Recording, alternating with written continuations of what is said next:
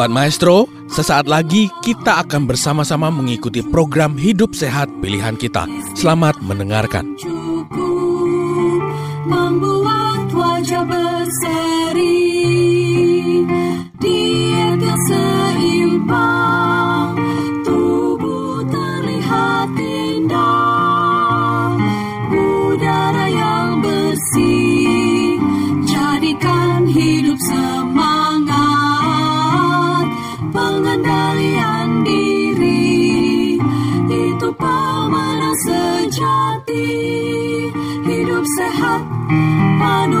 Tuhan hidup sehat sangat berharga sepuluh hukum kesehatan hidup sehat Nah, mungkin kerugian bisa dikatakan dari adaptive immune response ini, ya bekerjanya lambat. Jadi lama butuh waktu untuk memberikan kesempatan sel-sel tersebut untuk membentuk sistem imun yang spesifik. Ya, nah ada dua sistem uh, imun uh, adaptif ini diperankan yaitu oleh limfosit B dan limfosit T. Limfosit B dikatakan sistem imunnya humoral, artinya humor itu cairan karena dia berada dalam cairan darah karena dia memang melarut di dalam darah. Nah, yang kedua adalah yang namanya selular karena selnya yang akan bekerja, bukan sesuatu yang terlarut. Nah, sistem adaptif ini harus berkenalan terlebih dahulu. Jadi contohnya tadi ada sebuah makrofag atau sebuah sel yang mampu memfagosit uh, si bakteri atau virus. Setelah dia makan, setelah dia cerna, itu tidak semuanya langsung dibuang atau dimatikan dan dihilangkan. Dia sering kali setelah dicerna, dia tempelkan di permukaannya. Bisa kita lihat pada gambar, dia tempelkan protein itu pada permukaan tubuhnya dan dia mempresentasikan kepada sel limfosit, misalnya limfosit B atau limfosit T. Lalu limfosit itu akan berkenalan, oh ini ada protein asing, ini ada sesuatu benda asing yang masuk ke dalam tubuh kita. Saya harus membuat sesuatu antibodi atau suatu reaksi tertentu untuk mematikan segala sesuatu yang memiliki protein asing ini. Barulah limfosit B akan menghasilkan antibodi. Dan semua antibodi yang dia hasilkan, limfosit B-nya membentuk lebih banyak limfosit B. Jadi dia menjadi pasukan yang sangat besar.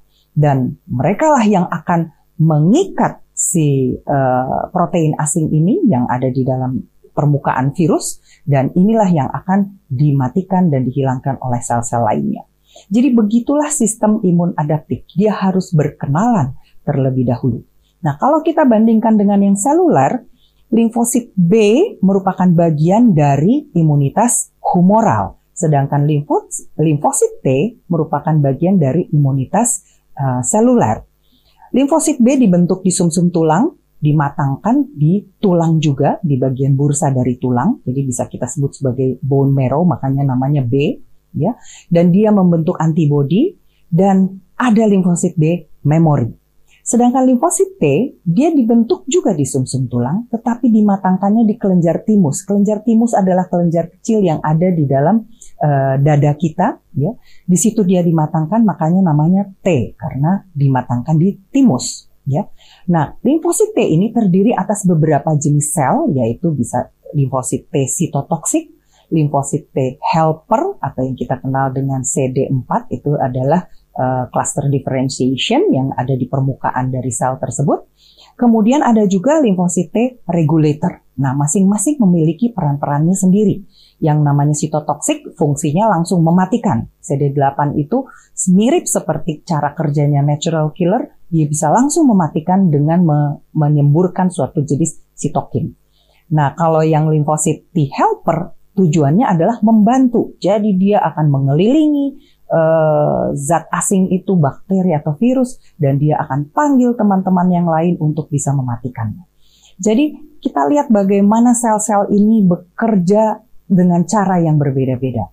Limfosit B menghasilkan antibodi, tetapi limfosit T dia seperti kalau pasukan perang itu uh, one on one gitu ya, perang satu lawan satu, sel melawan sel.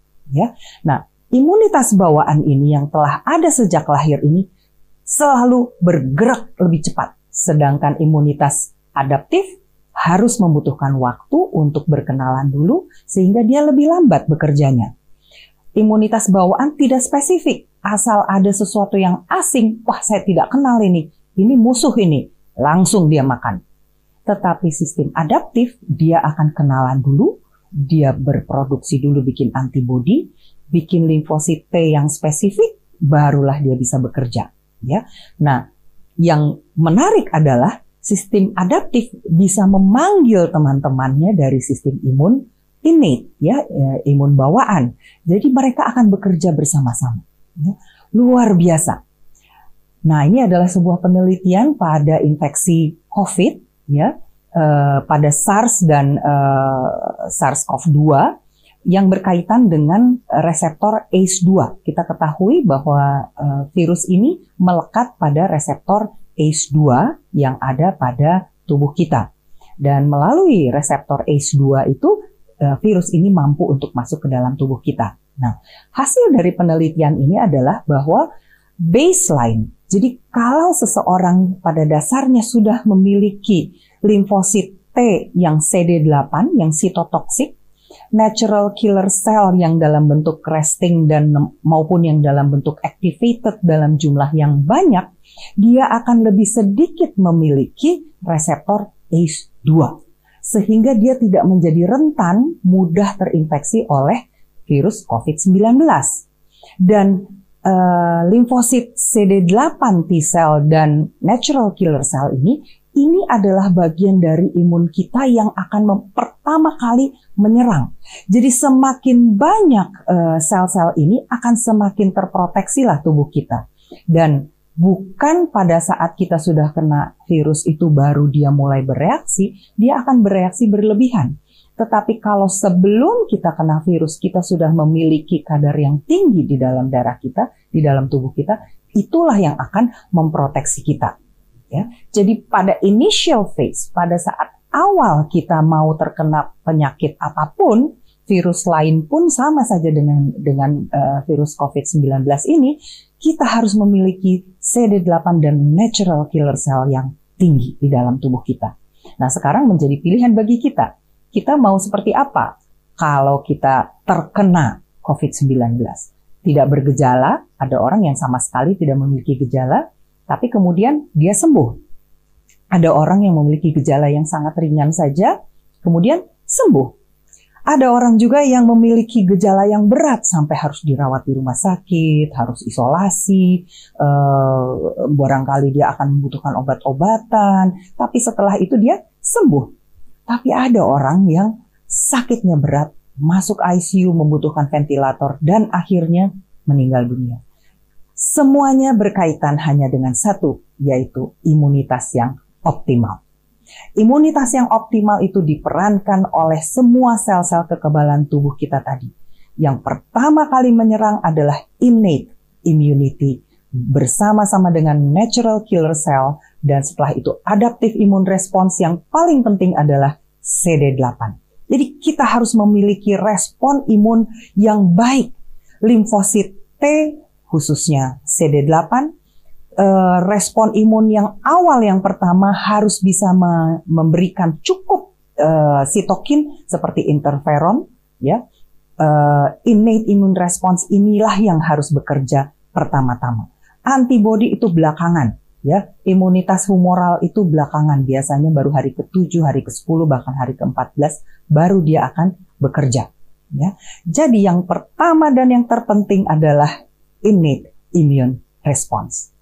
Nah, kadangkala ada uh, sel yang memakan yang memfagositosis kemudian tidak mampu mematikan bakteri atau virus yang dimakan. Berarti harus ada uh, backup plan ya. Jadi plan B-nya seperti apa? Nah, ini bisa diperankan oleh suatu sistem yang lain. Karena kalau dia tidak mampu mematikan, maka ada suatu proses lain yang namanya autofagi. Apa itu autofagi? Auto artinya diri sendiri, fagi kita sudah tadi kenal bahwa itu adalah memakan. Jadi ini sebetulnya istilah autofagi adalah memakan diri sendiri. Nah, istilah ini diperkenalkan oleh seorang uh, peneliti dari Jepang, ya, namanya Yoshinori Ozumi. Dia mendapatkan hadiah Nobel pada tahun uh, 2016 untuk Physiology and Medicine, dan uh, yang dia perkenalkan adalah autofagi. Nah, ada berbagai jenis autofagi. Semua sel tubuh kita bisa melakukan autofagi juga termasuk sel-sel imunitas tubuh kita. Jadi sel-sel kekebalan tubuh yang tadi yang kita bicarakan. Nah, autofagosom berbedanya adalah dia bersatu dengan lisosom membentuk suatu uh, struktur yang namanya autolisosom. Sehingga kalau bakteri itu tidak bisa dengan lisosom saja mati, dia akan dimatikan dengan proses autolisosom ya. Nah, untuk mematikan bakteri dan virus itu namanya istilahnya xenofagi. Kalau proses autofagi ini menghancurkan lemak yang berlebihan, namanya jadi lipofagi. Kalau dia menghancur, menghancurkan mitokondria, ya berarti kan dia jadinya mitofagi, ya. Jadi apa yang akan dia hancurkan, namanya disesuaikan. Nah, xenofagi ini akan menghancurkan bakteri dan virus dianggap sebagai seno itu artinya asing, ya patogen asing. Jadi dia mampu mencerna dan menghancurkan. Tapi pada sel-sel yang lain, dia justru mampu untuk membuang sisa-sisa yang sudah rusak. Misalnya mitokondria, mitokondria itu adalah suatu organel yang ada di dalam sel yang kalau dia sudah mulai rusak, sudah mulai tua, itu harus dibuang, didegradasi semua menjadi eh, potongan-potongan uh, protein atau amino acid yang kecil-kecil sehingga dia bisa digunakan kembali. Nah, itulah yang menariknya mengenai autofagi ini. Nah, jadi dalam sistem adaptif dan uh, innate immune response semuanya bisa saling bekerja sama juga untuk mematikan si bakteri-bakteri tadi. Nah, apa yang bisa merangsang terjadinya autofagi? Ini yang menarik. Kalau sel kelaparan, kalau sel itu seperti dalam kondisi berpuasa, di situlah dia akan mulai teraktivasi untuk mendegradasi berbagai protein-protein yang sudah rusak tadi. Pada saat dia mendegradasi, dia akan membentuk amino acid yang kecil-kecil, potongan-potongan, dan menariknya adalah dia bisa pakai lagi amino acid itu dia sambung, dia rangkai lagi, dan dia bisa membentuk protein yang baru, memperbaiki sel-sel. Jadi, sel-sel yang tadi sudah rusak, misalnya ada sel yang berubah menjadi sel kanker, ada sel yang rusak karena proses penuaan, ini semua akan diperbaiki. Penyakit diabetes, uh, infeksi, penyakit autoimun, dan sebagainya, ini semua akan di-repair, diperbaiki. Nah, satu-satunya yang bisa merangsang terjadinya autofagi itu adalah berpuasa dengan sel itu kelaparan, sel itu akan diaktifasi untuk me mengubah kembali kerusakan-kerusakan itu menjadi per terjadi perbaikan. Sobat Maestro, Anda baru saja mendengarkan program Hidup Sehat Pilihan Kita. Terima kasih atas kebersamaan Anda.